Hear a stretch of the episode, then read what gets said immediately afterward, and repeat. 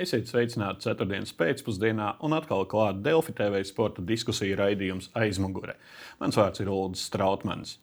Pavasaris Latvijas sportā izvērsties karsts, nesportiskā ziņā. Latvijas Olimpiskās komitejas skandāls, basketbola treneris Steļmaha lieta, dažu Latvijas futbolistu valsts vienības treniņu nometnes laikā nedaudz pasēdējuši pēc neveiksmes, bet Latvijas vieglatlētikā dopingu lietošanā pieķerta nepilngadīga jauniete un aizdomā ēna šajā lietā krīt uz sportā labu zināmu treneri.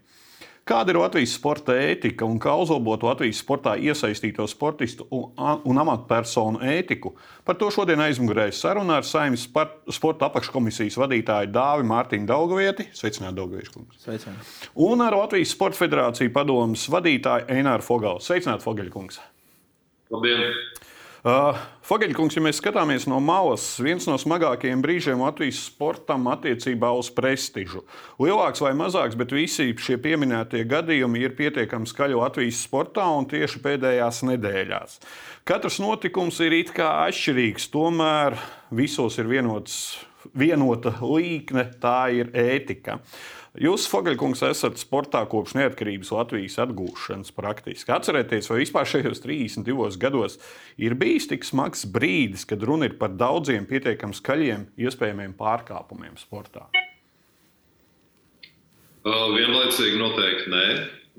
Jo aizvadītajās nedēļās runājot ar kolēģiem, mums, protams, bija un ir joprojām katru dienu ļoti karstas diskusijas Un šajā brīdī es nebaidīšos teikt, ka uz jautājumu, vai ir slikti, es parasti atbildu, nav tas vārds. Tik slikti, manuprāt, pēdējos nu, 20 gados noteikti nav bijis Latvijas sportā.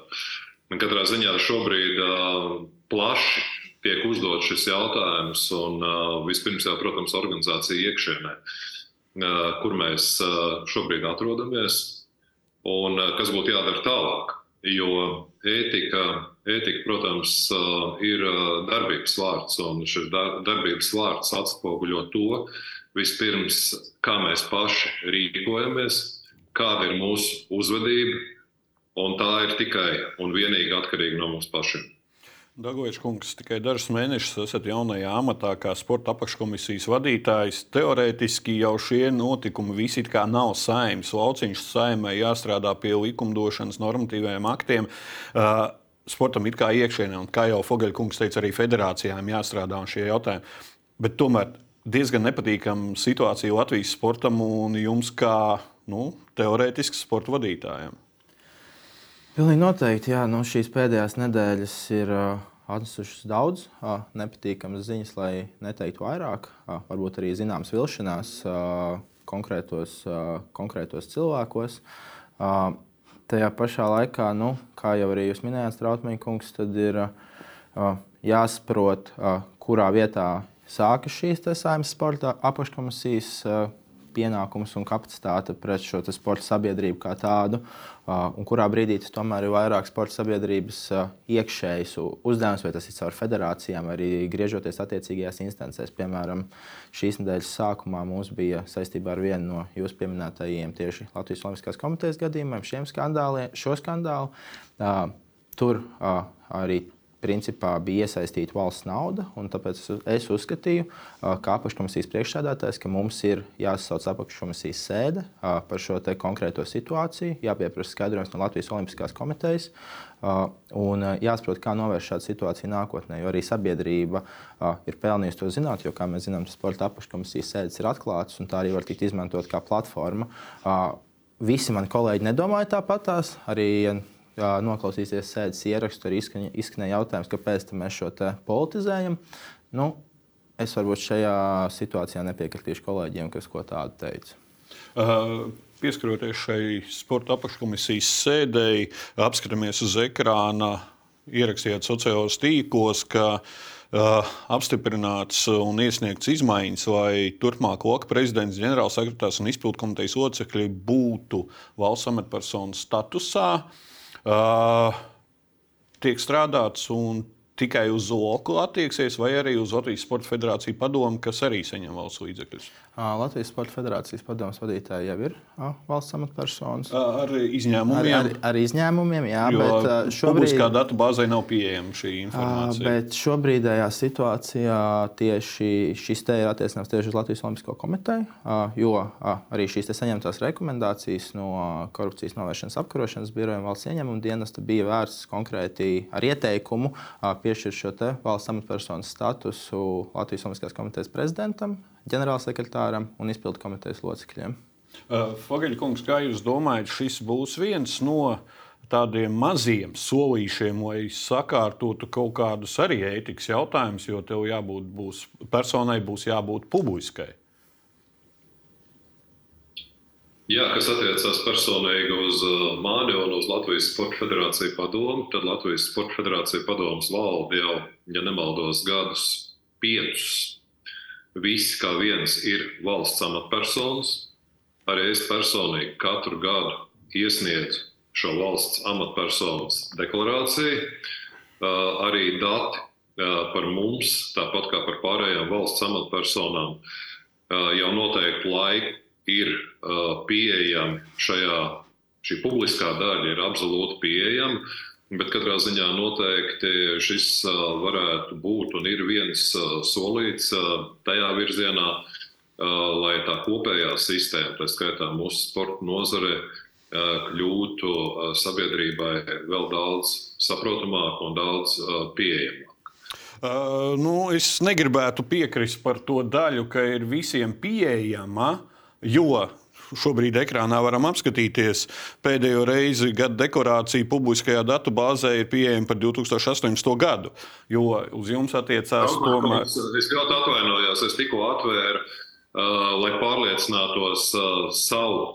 Uh, sev pieejamo EDS uh, lapas pusi. Es tāpēc teicu, Fogeļkungs, ka publiski pieejamā dekorācijā, kas ir publiski pieejamā, tā nav. Var pieprasīt uh, valsts ieņēmumu dienestam. Jā, jūs esat iesniedzis. Tas nav cits. Ir jautājums par šo publisko. 23. martā šajā gadā es kārtējo reizi esmu iesniedzis savu valsts amatpersonas deklarāciju. Kāda ir tālākā kārtība valstī? Kuras sadaļas tiek publicētas, kuras netiek publicētas, tas vairs nav jautājums, kas ir atkarīgs no manis un maniem kolēģiem. Par Mēs to, par to arī bija diskusijas. Fogeļkungs, es uzsvēru, publiski, publiski šī informācija nav pieejama. Paliksim pie tā. Uh, jā, bet uh, vai Fogeļkungs, kā jūs domājat, vai mainīs kādu šo izkārtojumu Latvijas Olimpiskās komitejas izpildu komitejā un vispār sportā, vai būs cilvēki, kuri varbūt vairs negribējis nākt iekšā? Redzēt, šī, šī lieta tika diskutēta jau pirms gadiem, pieciem. Tas skāra tā skaitā virkni federāciju vadītājus, kuri paralēli darbojās arī kā komersanti. Un katrā ziņā šis valsts amatpersonu status tālāk, lai pieņemtu lēmumus biznesā, nu, ir ļoti nopietni katram pašam jāizvērtē, un bieži vien uh, savienot šīs divas lietas nav iespējams. Tā kā ir jārēķinās, protams, arī ar to, ka būs atsevišķi mūsu kolēģi, kur droši vien, es negribu prognozēt, bet droši vien uh, izvēlēsies uh, palikt biznesa pusē un pamest sporta pusi. Uh. Runājot par ētikas jautājumu, Latvijas Olimpiskajai komitejai īsti nu, Nav Latvijā, iero, visā pasaulē nav uh, šo ieroču rīku, kā darboties. Jo Olimpiskā komiteja neatkarīga no valsts nedrīkst iejaukties šajā darbībā. Uh, līdz ar to no vienas puses mēs runājam par zināmiem ētiskiem pārkāpumiem, no otras puses, jā, ir ētiskie pārkāpumi, bet personas nevaram mēs nekādīgi tikai uz sirdsapziņu argumentēt. Uh, jā, nu šobrīd mēs runājam visticamāk vairāk par ētiskiem pārkāpumiem, bet tajā brīdī, ja šīm personām būs valsts amatpersonas status, tad jau arī attiecīgās iestādes izvērtēs, vai tas ir bijis ētikas pārkāpums, vai tomēr ir pārkāpts kaut kādā veidā arī uh, likums par interešu konfliktu vai arī kādā citā veidā. Nu, uh, nu, jā, turpinot šo tēmu, tad arī sporta apakškomisijas sēdēs uzdevu jautājumu Olimpiskās komitejas pārstāvjiem. Uh, Nu, kā tad, nu, jo viņi paši paziņoja, ka viņa Olimpiskās komitejas ētikas komisija to izskatīs nākamnedēļ, manuprāt. Un tad es jautāju, nu, kāds ir šīs komisijas sastāvs. Jo, nu, mani parasti tomēr nu, neteiksim, ka smīdim, bet man izraisa smaidu, ka pašā organizācijā iekšēji tagad izvērtēs, vai, piemēram, rekomendēt valdē atlaist prezidentu vai nerekomendēt atlaist prezidentu, vai tur ir bijuši ētikas pārkāpumi vai nav bijuši. Nu, tur jautājums, cik ļoti objektīvi tas vispār ir izdarāms un vai nav nepieciešams kāds no malas, kas izvērtē šos ētikas pārkāpumus. Lūk, ētikas komisija arī viens iesaistīts cilvēks, kolēģis žurnālists Armāns Puķis, kura māsa strādā vienā no šiem, ir īpašnieks vienā no šiem uzņēmumiem. Tā kā tur arī tā tāda diezgan interesanta situācija. Uh, Fogeļkungs, jūs strādājat ar Tīkmeru kungu plecu pie pleca nu, jau daudzus gadus, laikam 20 vai ja ne vairāk. Pat, ja? Gan jau bijāt dzirdējuši par šiem biznesiem Olimpiskajos centros, kuros iesaistīti radinieki. Kādēļ jūs pats neziņojāt un neizrādījāt kādu iniciatīvu, nenosakot, ka nu, tas tā kā nebūtu labi? Strautmaņa kungs, es diemžēl par šiem biznesiem uh, bija ļoti pārsteigts, jo šie biznesi, um, nu, ņemot vērā arī tāpat ierobežoto pieejamību šai datubāzē, uh, katrā ziņā manā redzeslokā, diemžēl, nebija nonākuši. It sevišķi, kas saistīts ar ceļojumu kompānijām, kas ir saistīts ar uh, enerģētikas kompānijām. Acīm redzot, uh, šie ir biznesi, kas ir radušies kaut kādā laikā, ārpus tā loka, kurā mēs strādājam. Bet, nu, es būdams žurnālists, šo visu zināju jau gadus septiņus. Diemžēl es nezināju konkrētus uzņēmumus. Ja? Tad jautājums, vai jūs esat sportam pietuvināta persona, ja jūs neesat neko dzirdējis? Nu, bieži vien varbūt atsevišķi žurnālisti zina vairāk, un tas ir jautājums, kur mēs ar jums, Strautmaņa kungs, esam runājuši. Jautājums ir, kādēļ, kādēļ jūs neinformējat par šiem uh, šīm lietām, ne tikai arī par atsevišķiem ētikas jautājumiem, ja jūsu rīcībā ir tādi fakti, kas ļaut, tā skaitā arī sportā strādājošiem operatīvāk reaģēt. Es katrā ziņā būtu bijis jums ļoti pateicīgs, ja tā tas būtu. Jo šīs atklāsmes par šīm daudzajām kompānijām, kurās izrādās ir iesaistīti tieši ģimenes locekļi, um, Man bija ļoti nepatīkams pārsteigums. Uh, ja es pareizi saprotu, Latvijas Sports Federācija padome arī izmantoja ceļojumu kompānijas pakalpojumus un šobrīd ir atteikusies. Tā ir? Jā, mēs izmantojam šos pakalpojumus. Arī es personīgi es izmantoju šos pakalpojumus. Un šobrīd, protams, uh, uh, Es pārdomāju, kurā virzienā šos pakalpojumus personīgi arī savus, savus privātos pakalpojumus novirzīt, jo man šī situācija ir ļoti nepatīkama. Skaidrs. Saimnes apakškomisijai gan lidojumi ir citādāk norganizēti, es domāju. Un, un... Saimnes sporta apakškomisija nekur nelido. Saprotu, ka jūs, kungi, abi esat tā arī amatpersonas un ar izteicieniem būsiet piesardzīgi, bet tomēr es nedaudz provocēšu jūs abus divus par OKU prezidentu iesaistu šajos te it kā objektos, par kuriem es jau teicu, ir zināms, it kā aprindās runā, runā, un tagad ir iznācis ārā kāds avots ir bijis atklāts un devis pavadienu uz konkrētiem uzņēmumiem, konkrētiem uzvārdiem. Kādēļ tas ir noticis tagad, turklāt arī zināmā mērā diezgan neētiski, brīdī, kad Loka prezidentam ir veselības sarežģījumi? Dogvieškungs, ir kāda versija? Mm, Kas notiek? Protams, ka versijas ir. Um, nu tā es domāju, ka ja mēs skatāmies uz to, kas šobrīd arī notiek sporta sabiedrībā kā tādā, tad principā jau no tāda, gribētu teikt, no decembra ir konkrēts neapmierināts federācijas. Vairākas, manuprāt, nu, nesaukšu, nu, nesaukšu vārdos. Domāju, ka katrs pats var nojaust, kuras tās ir, kas iespējams vēlas kaut kādas pārmaiņas. Tāpat tās šo situāciju arī veicina tas, ka visticamāk, šobrīd arī tiks pārskatīts tas, kā valstī tiek sadalīts sporta finansējums iespējams tiks meklēts viens galvenais partneris. Un, nu, visi grib būt šis galvenais partneris. Es domāju, ka šī ir tāda. Es, esmu, es biju gan pie Fogaļkunga, kur paldies, ka viņš man uzaicināja Latvijas Sporta Federācijas padomus kopsapulcē, gan arī Latvijas Olimpiskās komitejas ģenerāla asamblējā. Tur paldies Tikmēr kungam, ka viņš man uzaicināja. Nu, abās es dzirdēju to, ka tieši šīs katra organizācija ir gatava būt galvenā. Uh, tas vien lai iezīmētu to, ka šis te, nu, notiek šobrīd šī izšķiršanās. Un tad, nu, šis ir viens no tiem veidiem, domāju, kāpēc tieši tagad. Tāpēc tas ir tāpēc, lai kaut kādā veidā mazinātu kādas organizācijas ietekmi.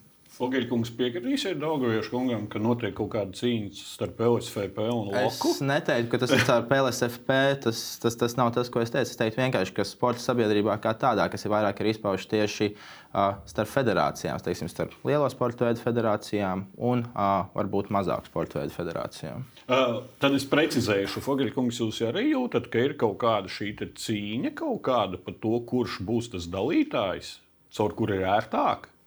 Nu, redziet, es uh, varbūt negribētu fokusēties uz kaut kādu dalīšanu. Ja, jo skaidrs ir viens, ka šobrīd tā iekšējā situācija ir diezgan, uh, diezgan uh, sērīga salīdzinoši to, kāda viņa vēsturiski bijusi. Ja, jo faktiski viss ir reducējies uz vienu valsts kases locību.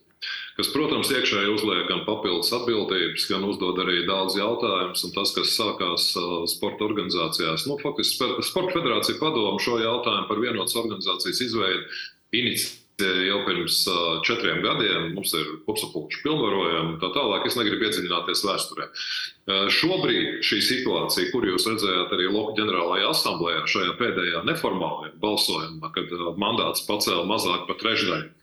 Biedra atbildot uz jautājumu, kurš ir vienā laivā un kurš ir savādāk. Šeit iemesli federācijām ir ļoti dažādi. Sākot ar federāciju, kur runā par vienu, varbūt atsevišķu savu programmu un neapmierinātību, Beidzot, ar atsevišķiem loka individuālajiem biedriem, kā piemēram Dainis Calna, kas runā par eh, ļoti svarīgu lietu, par vērtībām. Bet viss tas kopums ir eh, šobrīd federācijas skaidrs saprot, ka tā kā ir bijis, šī lejupējošā līkne ir strauji jāaptur. Tā vairs nebūs. Un šobrīd tā mana iekšējā sajūta ir tā, ka sports beidzot ir sapratis, kad mums pašiem vispirms ir jāmainās. Un tas ir galvenais iemesls. Šeit neiet runa par vienu vai par otru personāli. Šeit iet runa par kopu, kurš ir jāmaina. Un man tiešām ir gandarījums, ka sporta organizācijas šobrīd beidzot sāk saprast, ka tā vairs nevar. Un, protams, arī par vadības stilu. Nu, varbūt vadības stils Līdzīgi kā nu, nepārāk demokrātiskās valstīs, kur visu nosaka viens cilvēks, vai arī lēmumi tiek pieņemti ļoti šaurā lokā vienam cilvēkam, ja konsultējoties ar vienu federāciju, kas Latvijā, protams, ļoti ātri šajā informācijas plūsmā transformējās pie citām federācijām. Un ir uh, principi, kuri tiek ievēroti normālā demokrātiskā sabiedrībā, ar informācijas atklātību, ar caurspīdīgumu un ar uh, konkrētu kārtību, kā tiek lēmumi pieņemti. Tas viss kopā veido labu pārvaldību un, protams, uh, atsaucās uz sākuma jautājumu ētiku. Tāda ir šī situācija, un tādēļ arī faktiski šobrīd ir nobriedusi, ja tā var teikt, šī, šī revolucionārā situācija. Fogeļkungs noslēgumam par šo te topiku vienu tēmu, ka būs Oks ārkārtas ģenerāla asamblējā un savulaik, kad bija iepriekšējās prezidenta vēlēšanas, tika mēļots, ka Tikmēr kunga konkurents būs Fogeļa kungs, bet tā nenotika. Tagad atkal ir kulāros izskan jūsu uzvārds. Vai jūs būtu gatavs uzņemties pagaidu Olimpiskās kustības vadītāju lomu? Uh, ir atsevišķas federācijas, kas par šo tēmu ir runājušas saskaņā ar statūtiem. Ja, uh, es negribu prognozēt, kas notiek, ja notiek, bet atsevišķos gadījumos ir iespējas, ka kāds no viceprezidentiem, šajā gadījumā Olimpiskā komitejā ir trīs viceprezidenti, uzņemās vai nu pēc rotācijas principa, vai, vai uz noteiktu laiku, kas nedrīkstētu būt ilgāks par diviem, trim mēnešiem šo pārējais laika vadību, sagatavojot jaunas vēlēšanas. Gaidīs. Attiecībā, attiecībā uz jaunām vēlēšanām, un to es esmu skaidri deklarējis jau pirms uh, laba laika, šobrīd es ieņemu ļoti atbildīgu amatu Startautiskajā federācijā. Es esmu Startautiskās federācijas prezidents, un nekādā gadījumā uh, šī pozīcija šobrīd nav savienojama ilgākā termiņā ar kādas Nacionālās olimpiskās komitejas, šajā gadījumā Latvijas Nacionālās olimpiskās komitejas vadību. Paldies par atbildi. Un, un, un tas, es ceru, ka daudziem kliedēja sporta sabiedrībā šīs spekulācijas, kas risinās. Tāpēc arī paldies par atbildi atklāto. Vēl viena šī tēma, kādēļ es jūs, kungi, uzaicināju. Tas vairāk skar tieši basketbola treneris Steļmaha lietu un arī šo vieglo ētikas mazo skandālu un arī futbolistu. Tā ir šī ētika, bet ar tādu domu, Fogeļkungs, mums Latvijas sportā taču nav ētikas kodeksa. Strautmaņkungs, vēlreiz atgriežamies pie tā, ko es teicu sākumā. Šoreiz pilnīgi precīzi. Mums ir gan labas pārvaldības vadlīnijas, kuras mēs pagājušā gada izstrādājām kopā ar sporta veidu federācijām, kur viens no pamatpunktiem ir tieši šī ētika. Mums ir atsevišķi ētikas um, priekšraksti atsevišķās federācijās, atsevišķās organizācijās. Jā, kopumā Latvijas sportā mums ir diezgan daudz reglamentējošie dokumenti. Konkrēti Latvijas ētikas kodeks nav, bet vēlreiz es gribētu uzsvērt, ka ne dokuments ir tas, kas runās par vienu vai par otru virzienu, šajā gadījumā par ētiku. Ētika vispirms ir tas, kā mēs paši darbojamies, kā mēs attiecamies pret dzīvi, kā mēs attiecamies pret saviem līdzcilvēkiem. Tā ir konkrēta darbība. Tā ir konkrēta darbība un ļoti atkarīga no tā, kāda atmosfēra valda organizācija iekšienē. Katrā ziņā kopumā tas, par ko mēs šobrīd runājam, sportā šī kopējā atmosfēra nekādā gadījumā nav veicinošs faktors, lai mēs runātu par, par augstiem ētikas standartiem. Kādēļ es to pieminēju? Tiek runāts par sporta likuma atvēršanu un jaunu sporta likumu izstrādi. Cerams, ka tas lēnām virzās, virzās.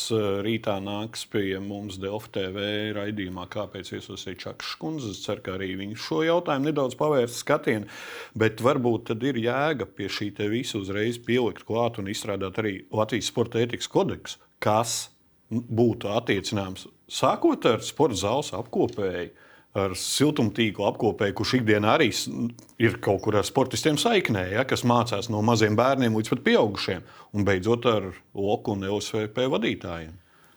Um, šeit, protams, ir vieta diskusijai. Es šodien speciāli pirms braucu uz šejienes, pastījos šobrīdējo sporta likuma redakciju, izgāju cauri, un tur vārds ētika ir pieminēts trijās vietās. Uh, pieminēts pie vispār sporta pamata, nu, kas ir sports, nu, pie kā nozara kā tāda. Tad ir pie sporta, pašiem sportistiem, jā, jā, pie, pie pašiem sportistiem, nu, ka viņiem jāievēro ētikas principi, un tad arī pie sporta darbiniekiem. Nu, tā tad, nu, principā vārds ētika tur ir pieminēts, bet te, tad, ja mēs to vēlamies risināt tieši tādā likuma ietveros, tad jau mums pašiem vispār jānodefinē un jāiekļauj likumā, kas tā tāda ētika ir. Un tas jau ir atkal uh, manuprāt, nu, uz šo arī var pieiet ļoti filozofiski. Jo nu, katram cilvēkam šie ētikas principi ir stieptāki vai, vai, vai netiks stiepti. Bet, nu, principā skaidrs, ka mēs kā sabiedrība funkcionējam pēc kaut kādiem uh, vispār pieņemtiem šiem ētikas uh, jautājumiem. Mēs, kā... ja, es piebildīšu, ja mēs tagad skatāmies uz konkrētā treneru Stēļmacha lietu. Uh, ja viņš šobrīd viņu atstādinātu un atņemtu licenci tikai uz ētiskiem pārkāpumiem, viņš teiktu, ka mums nav sporta likumā tāda ētikas norma. Tas ir viens, jā, protams, un, bet turpinot vispār par šo konkrēto Štelmacha gadījumu, um, nu, es gribētu teikt, ka izlasot uh, jūsu kolēģi Delfos rakstu, man tiešām arī uh, nemaz nerunājot par paša vainīgā cilvēka izdarībām, kas ir vienkārši nepieņemams. Man arī ļoti daudz jautājumu līdz cilvēkiem, un līdz treneriem un sporta skolu vadītājiem, kā tik ilgi kaut, kaut ko tādu. Uh, ir varbūt iespējams uh, pievērt acis. Un šeit neiet varbūt pat tik ļoti runa par pašām federācijām vai savienībām, bet cilvēkiem, kas ir ikdienā blakus, par cilvēkiem, kas redz, ka tas notiek, par komandas biedriem, komandas biedru vecākiem. Uh, jo dienas beigās, ja mēs paši sabiedrībā uz šo nevērsīsim uzmanību, tad šādi gadījumi visticamāk arī atkārtosies. Um, Vakardien man bija ļoti laba saruna ar Latvijas antidopinga biroju, kas vārdiski teica, ka varbūt mums ir nepieciešams šāds ētikas jautājumu izvērtēšana, nodot varbūt antidopinga biroja rīcībā, jo skaidrs, ka viņi nodarbojas ne tikai ar dopinga kontroli, bet viņi vispār nodarbojas ar caurspīdīgumu sportā, ar integritāti un vispārējo. Nu, kā varbūt kā viena no variantiem, piemēram, ko arī var iestrādāt sporta likumā, kas būtu tāda neatkarīga, neatkarīga iestāde zem izglītības un zinātnes ministrijas, kas arī varbūt varētu vērtēt šos ētikas pārkāpumus. Tāpat tās var būt, ko ir vērts apsvērt, tad līdzīgi kā tas ir teiksim, korupcijas novēršanas apkarošanas birojā un citos, citās iestādēs varbūt ir nepieciešams šis te trauksmes cēlāja telefons.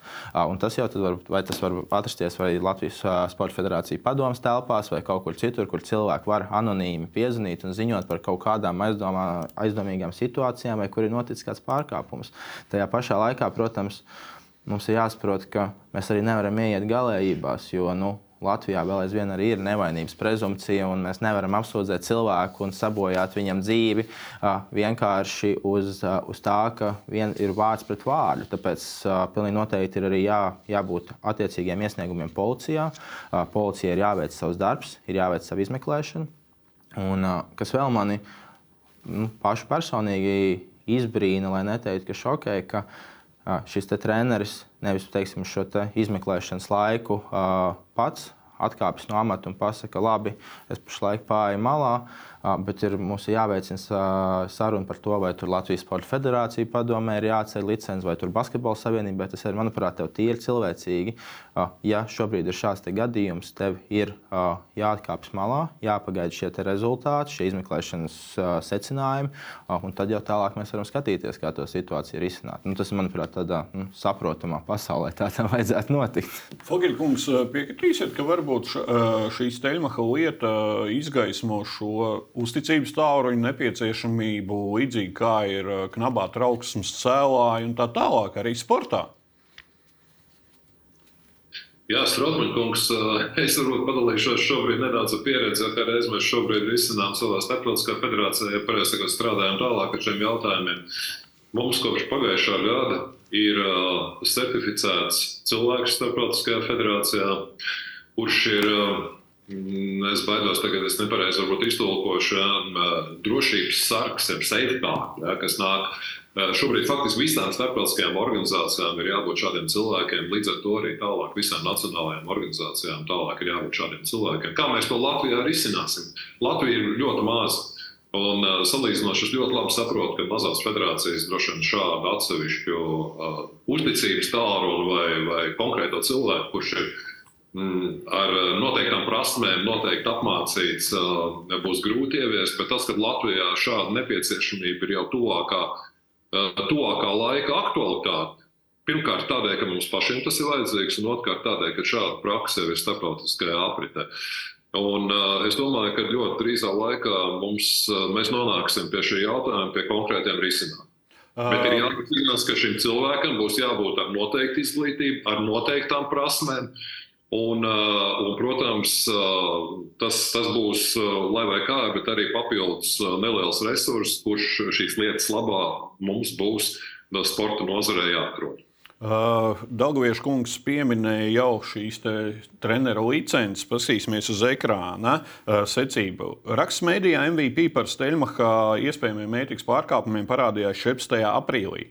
17. aprīlī Latvijas Sporta Federācija padome uh, pasaka, ka nav pierādījumu, nav iesniegumu nekādu, un tāpēc nav nekādu domu par treneru, sports, sporta treneru certifikātu pārskatīšanu.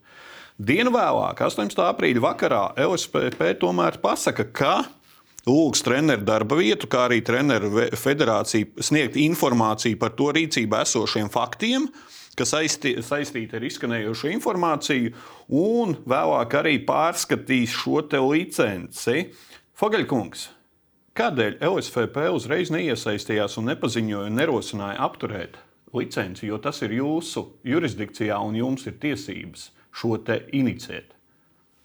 Tas, ko jūs šobrīd citējāt, ir viens citāts no viena žurnālista interpretācijas. Tātad, pirmkārt, es vēl tas... uzsvērt, Trautmaņkungs, Trautmaņkungs, es vēlreiz gribu uzsvērt, tātad ir tiesiskie principi, kur attiecās uz visiem bez izņēmuma. Mūsu valstī ir noteikta kārtība, kādā veidā šis process, licences anulēšana notiek.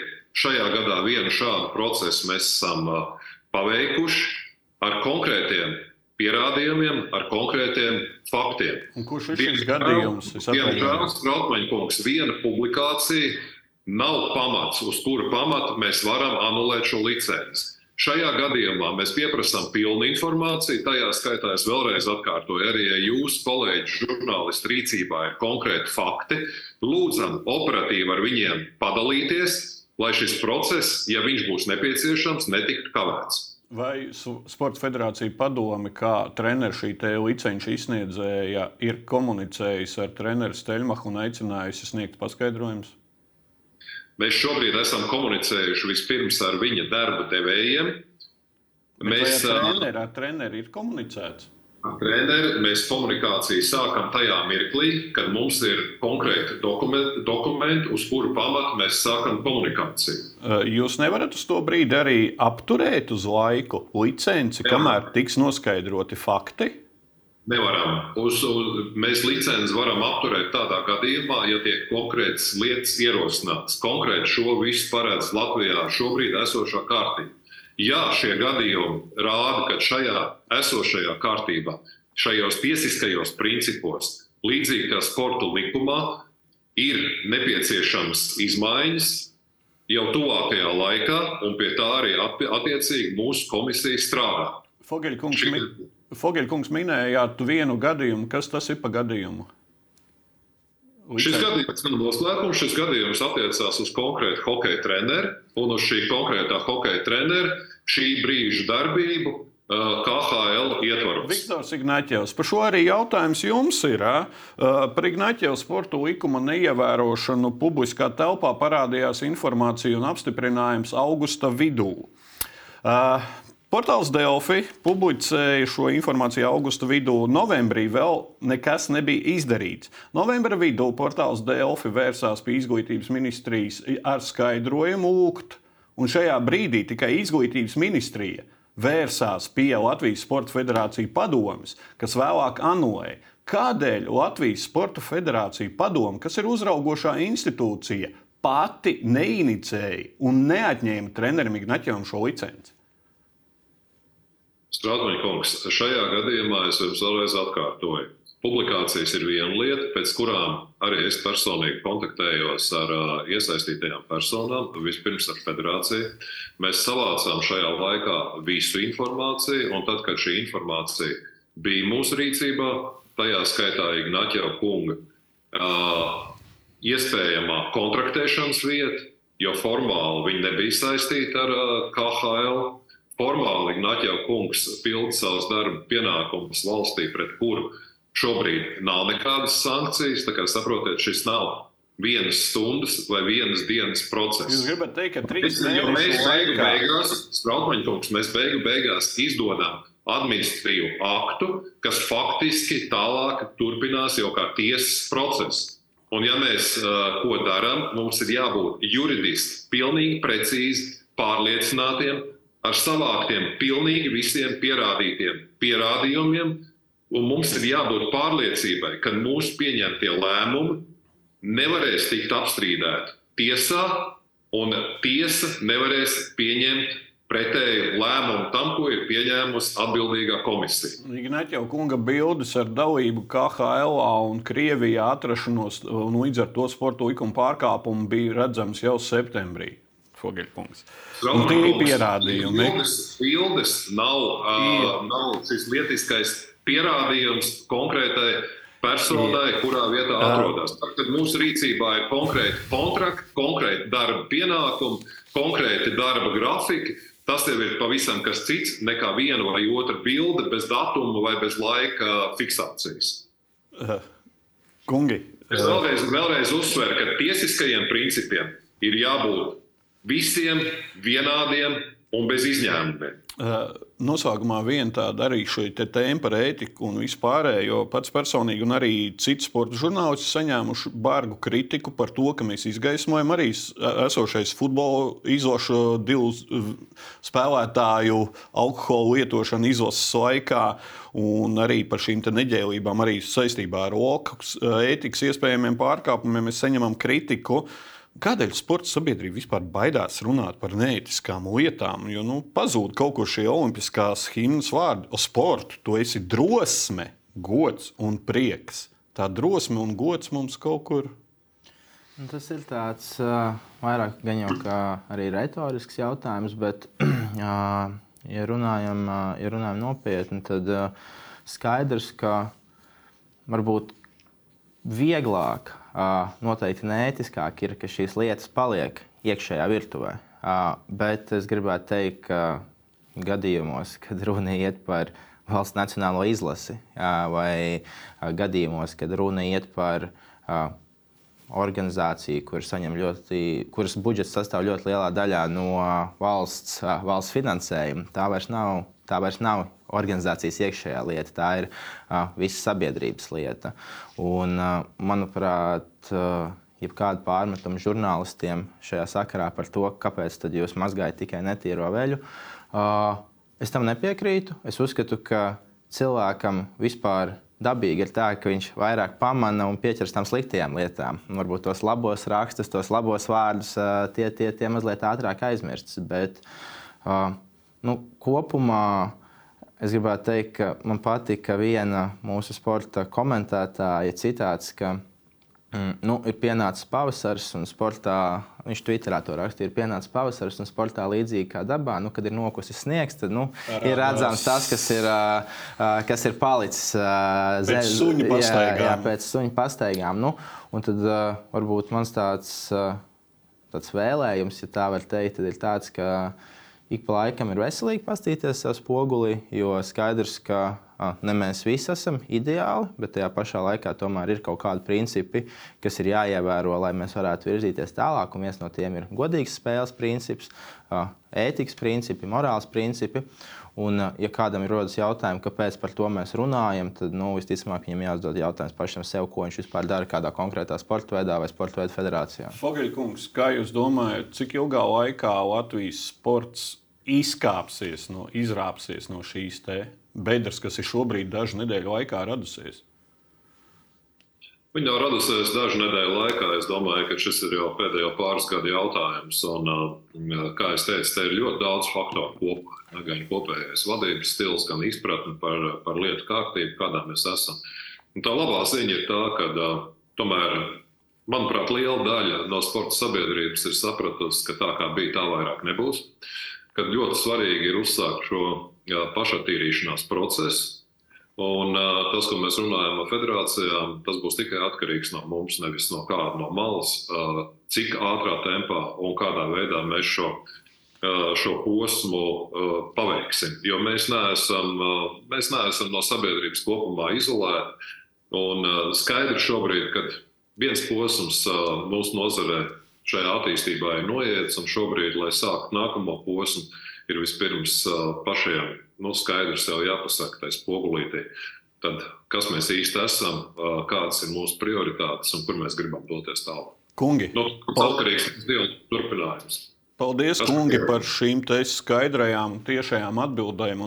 Ceru, ka Latvijas sports paskatīsies spogulī un ieraudzīs šīs arī netīrās lietas. Un ceram, ka drīzumā virzīsies sporta likums un būs arī vienojošs sporta ētikas kodeks visiem sporta iesaistītajām personām. Šis bija sporta diskusiju raidījums aizmugure, kas katru ceturtdienu ir redzams Delfi TV un RTV ēterā.